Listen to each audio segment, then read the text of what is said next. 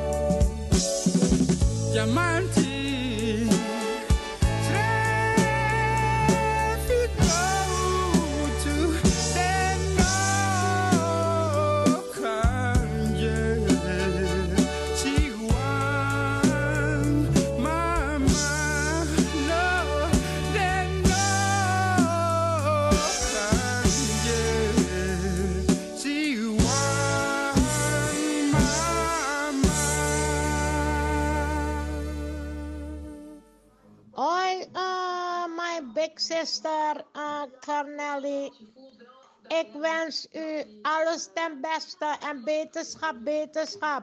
Dansje kabo, dansje kabo, mijn biggie sisa. One love, God bless and stay blessed. Hij liep daar in de stad, s'avonds laat. Plotseling aan de overkant zag hij ze staan. Iemand riep, je hoort niet bij ons met steekpijn. Denk goed aan welke kant je staat. Denk niet wit, denk niet zwart, denk niet zwart-wit. Denk niet wit, denk niet zwart, denk niet zwart-wit. Maar in de kleur van je hart, maar in de kleur van je hart donker was de straat, op weg naar het plein. Een taxi, het is te laat, het is voorbij. Wielen bloed op de achterbank van de werkelijkheid. Denk goed na welke kant je staat, denk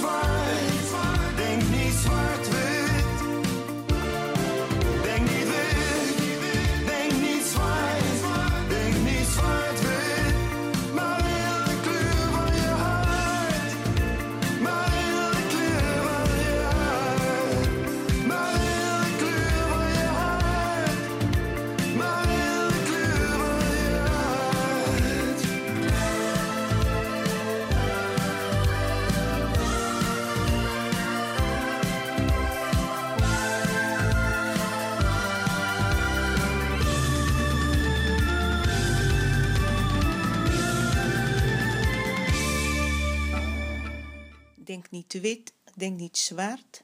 Denk niet zwart-wit, maar denk in de kleur van je hart. Denk kleurrijk, zeg Radio Surimama ook altijd. Wij zijn er voor iedereen en wij leven in een kleurrijke wereld. Dat is wat belangrijk is ook. En hoe de mens vanuit zijn innerlijke denk, en dan maakt het in feite ook niet meer uit welke huidskleur men heeft. Maar daarnaast is het ook belangrijk om mensen niet in een hokje te stoppen dat ze wit of zwart zijn. En uh, ja, het is in feite heeft dubbele betekenis. Maar mevrouw Corrie is ook iemand die zegt van denk niet wit, denk niet zwart. Denk in de kleur van je hart. Dank u wel, mevrouw Corrie. Prachtig gezongen en ook prachtig lied van Frank Boeien. Zou eigenlijk veel meer te horen moeten zijn op de radio in Nederland. Zodat men ook van het hokjesgedoe afkomt hier in Nederland.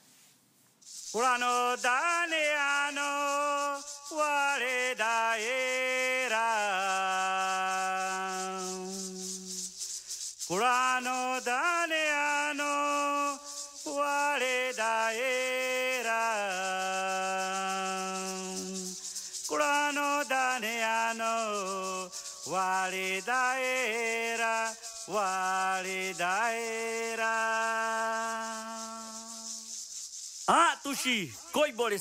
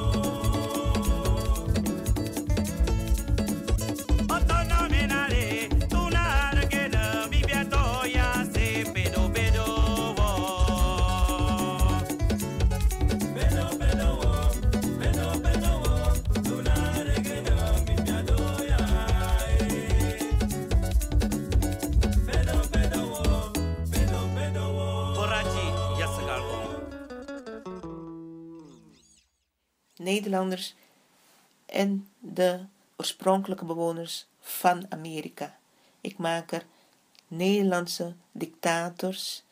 Ik maak er van Nederlandse dictators en de oorspronkelijke bewoners van Amerika. Ofwel terroristen en de oorspronkelijke bewoners van Amerika. Nieuw-Nederland was niet onbewoond. Dat konden de eerste Nederlanders in 1609 zien toen ze er samen met Henry Hudson aankwamen. Nieuw-Nederland, hoezo Nieuw-Nederland? De lokale bevolking kwam hen in kano's tegemoet varen. Het is niet erg waarschijnlijk dat de zeelieden ooit een preek van dominee Godefriedus Udemans 1580 tot 1649 hadden gehoord. Die had eerder van de kansen verklaard dat de nieuwe wereld niet zo nieuw was. Het wordt al sedert oude tijden bewoond. Udemans ontleende zijn kennis aan de grote hoeveelheid documenten, boeken en kaarten die in de Nederlanden werden gedrukt en verspreid. Zo schreef de cartograaf en historicus Johannes de Laat 1582 tot 1649 dat de lokale bevolking, zolang zij met respect zouden worden behandeld, vriendelijk was en bereid om handel te drijven. De directeuren van de West-Indische Compagnie gaven aan de Nederlanders die zich vanaf 1624 in het gebied gingen vestigen nadrukkelijk opdracht om de oorspronkelijke bewoners van het land vriendschappelijk te behandelen. Gouverneur Willem Verhoost las in zijn instructies dat hij de, in de First Nation met eerlijkheid, getrouwelijkheid en oprechtheid moest behandelen. Ook de koop van het eiland Manhattan ofwel Manhattan genoemd door de oorspronkelijke bewoners, werd later in overeenstemming met de instructies dat zulke handelingen de First Nations van die plaats de vrede moesten stellen, moeten stellen afgehandeld. De Nederlanders konden echter niet altijd bereiken dat de oorspronkelijke bewoners aan hun wensen toegaven. Als voorbeeld geldt de weigering van de Mohikanen om op hun muisland kolonisten toe te laten. Dat blokkeerde de voorgenomen uitbreiding van Nederlandse bouwerijen. De strikte opstelling van de WIC-ambtenaren werd deels ingegeven door hun religieuze opvattingen. Nog meer dan de boosheid van de directeuren vreesden zij datgene wat in instructies stond vermeld, namelijk dat zij bij het niet nakomen de wrake God zouden afroepen over hun gedrag. Toenemende druk op de oorspronkelijke bewoners van Amerika en de gevolgen. Door de gestage instroom van de Europese overheersers nam de druk op de inheemse bevolking stamgebieden toe. De bewoners werden steeds meer geconfronteerd met kolonisten, terroristen en hun wapens. Ook ze te maken met kolonische terroristen die zich niet hielden aan de zorgvuldige instructies van de WIC. Handelaren ontdekten dat het gebruik van alcohol grote invloed had op de oorspronkelijke bewoners. Met een fles jenever op werden de voor pelzen geboden prijzen sneller geaccepteerd. Dus daarmee pakte men de mensen. Schandalig gewoon. De WIC probeerde deze handelaren te weren, maar dat lukte niet. Het gevolg was dat bij verschillende stammen alcohol een desastreuze uitwerking kreeg. Het aantal incidenten tussen inheemse onderling en tussen andere inheemse kolonisten en handelaren nam toe. Sommige van deze incidenten groeiden uit tot complete oorlogen. Ja, de stammen, diverse stammen werden ook nog tegen elkaar opgezet door die kolonisten-terroristen. Dus sommige van deze incidenten groeiden uit tot complete oorlogen. Dat gebeurde bijvoorbeeld toen in 1626, toen een aantal over Nederlandse overheersers uit Fort Oranje, tegenwoordig Albanië, een groep Mohikanen vergezelde die een Mohawk kamp aanvielen. Voor de aangevallen inheemse betekende dit dat de Nederlanders hun onpartijdigheid hadden verloren. De kolonisten, de terroristen, hadden verloren. Dit had tot gevolg dat de Mohawks, toen zij terugsloegen, ook vier Nederlanders doden. Om verdere escalatie te voorkomen, haasten alle betrokkenen zich daarna om een nieuwe vredesverdrag te sluiten.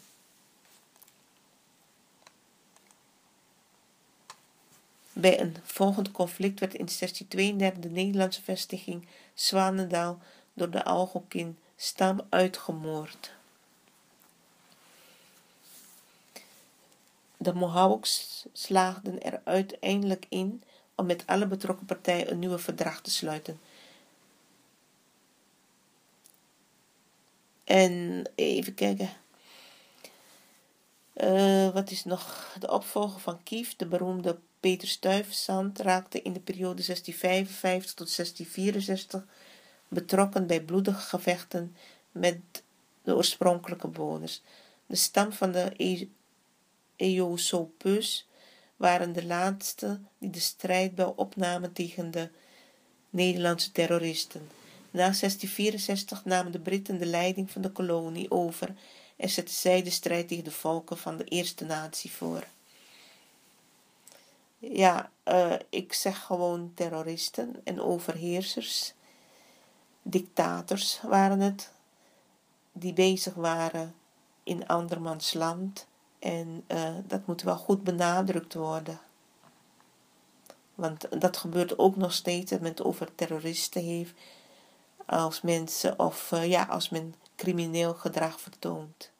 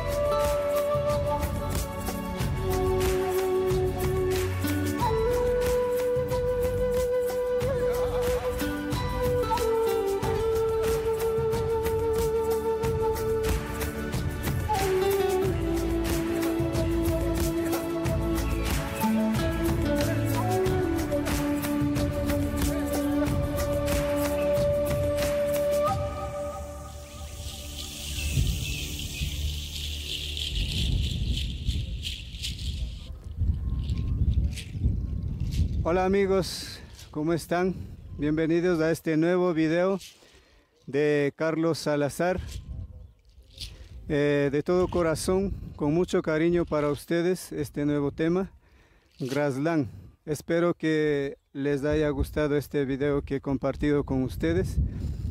Eh, thank you very much for watching this video. Eh, subscribe my channel eh, Carlos Salazar Oficial en Give a Like. Gracias amigos. Eh, de corazón agradeciéndoles a ustedes por todo, por toda la atención que me han dado. Espero que les haya gustado este video. Muchas gracias amigos. Chao. Immigratie, 175 jaar toenemende grensvervaging. Bron Van 1840 tot 1870 immigreerden bijna 35.000 Nederlanders naar de Verenigde Staten. Naast economische en godsdienstige factoren, dus om economische en godsdienstige redenen, maakte een aantal moderniseringen deze trek mogelijk. Zo richtten burgers veel verenigingen op, een nieuw verschijnsel dat beroepsgroepen en andere gelijkgeschieden samenbrachten. Samenbracht. Deze organisatievorm werd ook gebruikt bij groepsimmigraties uit Nederland met de landsverhuizingvereniging als samenbindende factor. Afgescheiden protestanten liepen hierbij voorop. Zo stichtten de predikanten Albertus van Raalte en Anthony Brummelkamp in 1846 de Vereniging van Christenen voor de Hollandse volksverhuizing naar de Verenigde Staten in gestolen land Noord-Amerika. Die landverhuizers, die hielpen landverhuizers bij het boeken van hun reis, de bestemmingskeuze, landaankoop en de oprichting van kerken en scholen na aankomst. Dus er werd zowel hier in Nederland als in Amerika waren mensen aanwezig die dit allemaal regelden. En de mensen opvingen als ze daar waren. Dus u moet zich voorstellen, luisteraars, het land van de eerste bewoners van Amerika. Gestolen, in bezit genomen, de mensen vermoord, genocide gepleegd, reservaat gestopt, strijd, jarenlang, eeuwenlang strijd gevoerd, dat ze moesten verhuizen van hun woongebieden, hun kinderen van ze afgepakt, hun vrouwen verkraagd, de kinderen internaten gestopt, op kostscholen, uh, andere taal leren, andere cultuur aannemen, haar werd geknipt en velen zijn ook misbruikt. Heel veel narigheid, heel veel kwaadheid aangericht aan het volk. En toen men zo ver was, toen dacht men van, we hebben ze onder controle en nu kunnen wij onze eigen mensen hier naar het land laten halen of sturen en zij gaan dan daar als een, het volk, het oorspronkelijke volk van Amerika, gaan zij leven. En zo gaan wij dat naar buiten brengen. Zo is het aan toegaan. De rol van Nederland in Amerika. De rol van Nederland in gestolen land Amerika. En dan snapt u ook nu waarom de media hier altijd over zwijgt. Tegelijkertijd, ga even verder, tegelijkertijd zorgt de Amerikaanse wetgeving speciaal de Preemption 1841 en de Homestead Act 1862 voor grootschalige gronduitgifte aan immigranten. Dus dat gebeurde ook nog, gronduitgifte, grootschalige gronduitgifte aan de immigranten. Dus grond dat gewoon gestolen was, werd aan hun eigen mensen geboden. En ik zeg het nogmaals mensen, de gewone Nederlanders of de, het volk, laat het zo zeggen, die waren ook niet op de hoogte van wat er allemaal plaatsvond en dat ze naar gestolen land werden gehaald en dat het volk daar onderdrukt werd, onzichtbaar werd gehouden door hun eigen leiders of hun eigen mensen daar. Het uitdijende Amerikaanse spoorwegnetwerk garandeerde de verspreiding van de nieuwkomers. Onmisbaar was ook de aanzwellende informatiestroom over de Verenigde Staten. Immigratiegidsen, reisverslagen, brieven en romans stelden Amerika, ofwel het gestolen land, voor als het utopia, de nieuwe wereld. Ik vraag me af met welke God deze mensen, de terroristen, hebben gewerkt. Het kan nooit de God van goedheid zijn, het kan nooit de God van rechtvaardigheid geweest zijn. Daar werk ik nu mee om dit allemaal duidelijk te maken. Ik zal niet de enige zijn. Ik probeer een bijdrage te leveren. Laat het zo zeggen. Ik probeer een bijdrage te leveren. Hier in Nederland en in Amerika zijn ze zelf ook bezig, de bevolking. In Canada, in Suriname is men bezig. En uh, ook in diverse Zuid-Amerikaanse landen. Ik las net ook een artikel dat er ook immigratie naar Zuid-Amerika is geweest, onder andere Argentinië, Brazilië. Dat is voor mij nieuw, dat wist ik niet eens. Ik dacht dat het alleen maar Amerika was en Suriname. Ik, uh, ook Zuid-Afrika. Maar goed, daar is inmiddels uh, verandering in gekomen. Dat heeft men hersteld. Maar in Amerika dient dit nog te gebeuren andere, in Canada, andere Zuid-Amerikaanse landen. En niet te vergeten ook hoor, ik noem ze niet, maar ze zijn altijd in gedachten. Nieuw-Zeeland en Australië. Die maken hetzelfde mee als de inheemse van Noord-Zuid-Amerika, Canada, Nieuw-Zeelanders, de autochtone uit Nieuw-Zeelanders, de autochtone Australiërs, die maken hetzelfde mee. Maar ik, ik, dacht ook van, moet ik dit voorlezen? Want eigenlijk heb ik niet echt zin om dit allemaal, maar goed, het is wel belangrijk. Het moet duidelijk en helder zijn. Als men, uh, laat me het zo zeggen, dat men weet wat er speelt. Dat Nederland echt grote rol heeft gehad en nog steeds heeft in Amerika.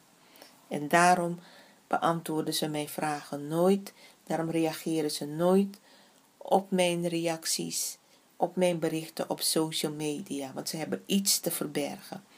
Toen men zo bezig was, nu helpen ze de Chinezen die protesteren tegen discriminatie terecht. En mijn reactie daarop was heel goed, maar wanneer komen de Native Amerikanen aan de beurt, de inheemse van Noord, laat me zeggen de autochtone Noord- en Zuid-Amerikanen. Dat is het beste woord. De Noord- en Zuid-Amerikanen. En daarmee bedoel ik de oorspronkelijke bewoners. Wanneer worden zij, krijgen zij de aandacht in verband met racisme en discriminatie? Een vraag aan de Nederlandse media. Goed, ik ga even door dan met uh, het artikel. De periode 1870-1914 kenmerkte zich door een revolutie in de technologie en het transportwezen en mede door de Europese landbouwcrisis. Dat er een massale trek ging richting Amerika van ongeveer, ja mensen, luisteraars, van ongeveer 20 miljoen Europeanen.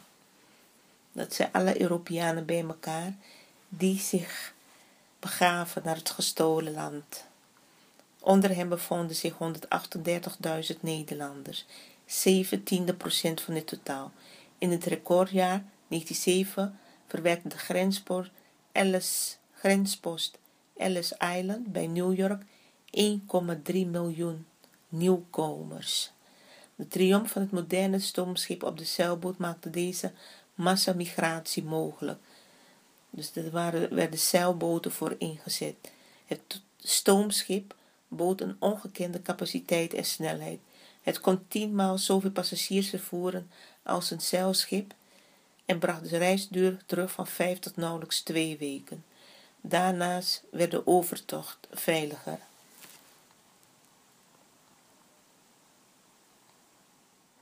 Um, ja, wat is nog belangrijk? Vanwege de Amerikaanse immigratiequote liepen de Nederlandse landverhuizing in het interbellum van 1919 tot 1939 terug.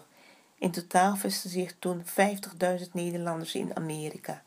Ondanks de terugloop ontstonden er nieuwe landverhuizing, landverhuizingsinstanties zoals de Nederlandse Vereniging Landverhuizing 1913 en de Gereformeerde Immigratievereniging 1927 zij onderhielden contact met de belangrijkste immigratielanden, de Verenigde Staten en Canada, en zorgden voor organisatorische continuïteit. Dus dat was de Nederlandse Vereniging Landsverhuizing en de gereformeerde immigratievereniging. Die regelde alles van hieruit en vanuit Amerika en Canada. Tussen 1947 en 1963 was de overzeese immigratie uit Nederland met 410.000 personen opnieuw omvangrijk. Deze immigreerden vooral naar Canada, Australië en de Verenigde Staten. Liefst 3,5% van de Nederlandse bevolking vertrok over zee. Belangrijke motieven waren het sombere economische toekomstperspectief, het huizentekort en de dreiging van een derde wereldoorlog. Zo geeft men aan. Vanaf 1949 plande en bevorderde de Nederlandse regering de emigratiestroom. Deze immigratiepolitiek ging gepaard met een omvangrijke organisatievorming. Zo sloot de regering verdragen met immigratielanden en zorgde voor subsidies, dus worden ook subsidies voor gegeven, en cursussen. Verder zette de overheid een media-offensief in. Minister-president Willem Drees toen de tijd en prins Bernhard zorgden voor positieve immigratieberichtgeving. In de ether klonk wekelijks een immigratiepraatje en in de bioscopen draaide het Polygoonjournaal. Veel dagbladen plaatsen immigratiefeuilleton. Even kijken hoor. Veel dagbladen plaatsten toen immigranten dagbladen of bladen en stelden buitenland correspondenten.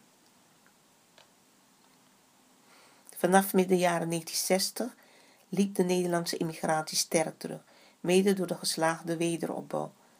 In de jaren 80 werd met 310 immigranten per jaar laag record. Dit hing ook samen met de implementatie van de Western Hemisphere Act in 1946, 76, een Amerikaanse wet die een visumbeperking invoerde waarmee alleen nog hoogopgeleide immigranten de Verenigde Staten binnenkwamen. De meest fundamentele verandering in de periode sinds 1945 was de opkomst van immigrantencharters per vliegtuig. Vanaf eind jaren 50, dus vanaf eind jaren 50 verhuisde al 40% van de Nederlandse immigranten per vliegtuig, wat opliep naar 85% in 1969. Dus zo is het aan toegegaan. Ja, ja, het is wat. Land dat altijd heeft over mensenrechten. Altijd nogmaals de vinger wijst naar andere landen dat ze het niet goed doen. Naar andere leiders. En die vindt dit allemaal heel normaal. Wat hier plaatsgevonden heeft. Of in het land Amerika. En naar de oorspronkelijke bewoners toe. Ja, ik heb uh, ook wat filmpjes gevonden en ook wat artikelen waarin wordt aangegeven dat het vaak ook onder dwang gebeurde, dat die mensen uh, moesten immigreren, Nederlandse gezinnen. En zo, ik, ik hoorde een verhaal van een mevrouw dat iemand bij haar was komen schuilen. Een jonge dame, die wilde niet weg. Maar die mevrouw had tegen haar gezegd van ja, sorry, ik kan je niet helpen, want als ze erachter komen, dan, uh, ja, dan ben ik erbij. En uh, dus dat heeft ze niet door laten gaan. Maar zulke dingen gebeurden, geliefden, die werden van elkaar gescheiden, families werden van elkaar gescheiden. En je hebt van die programma's, die televisieprogramma's, waar uh, dierbaren elkaar weer ontmoeten. Dat wordt geregeld waar ze weer worden herenigd. En dit is een soort goedmakertje voor de mensen, voor familieleden die achtergebleven zijn en hun uh, familie heel lang moesten missen en misschien nog steeds missen door de emigratieplicht toen de tijd. En nogmaals zijn veel gezinnen uit Brabant, Limburg, geloof Zeeland ook en Friesland geweest.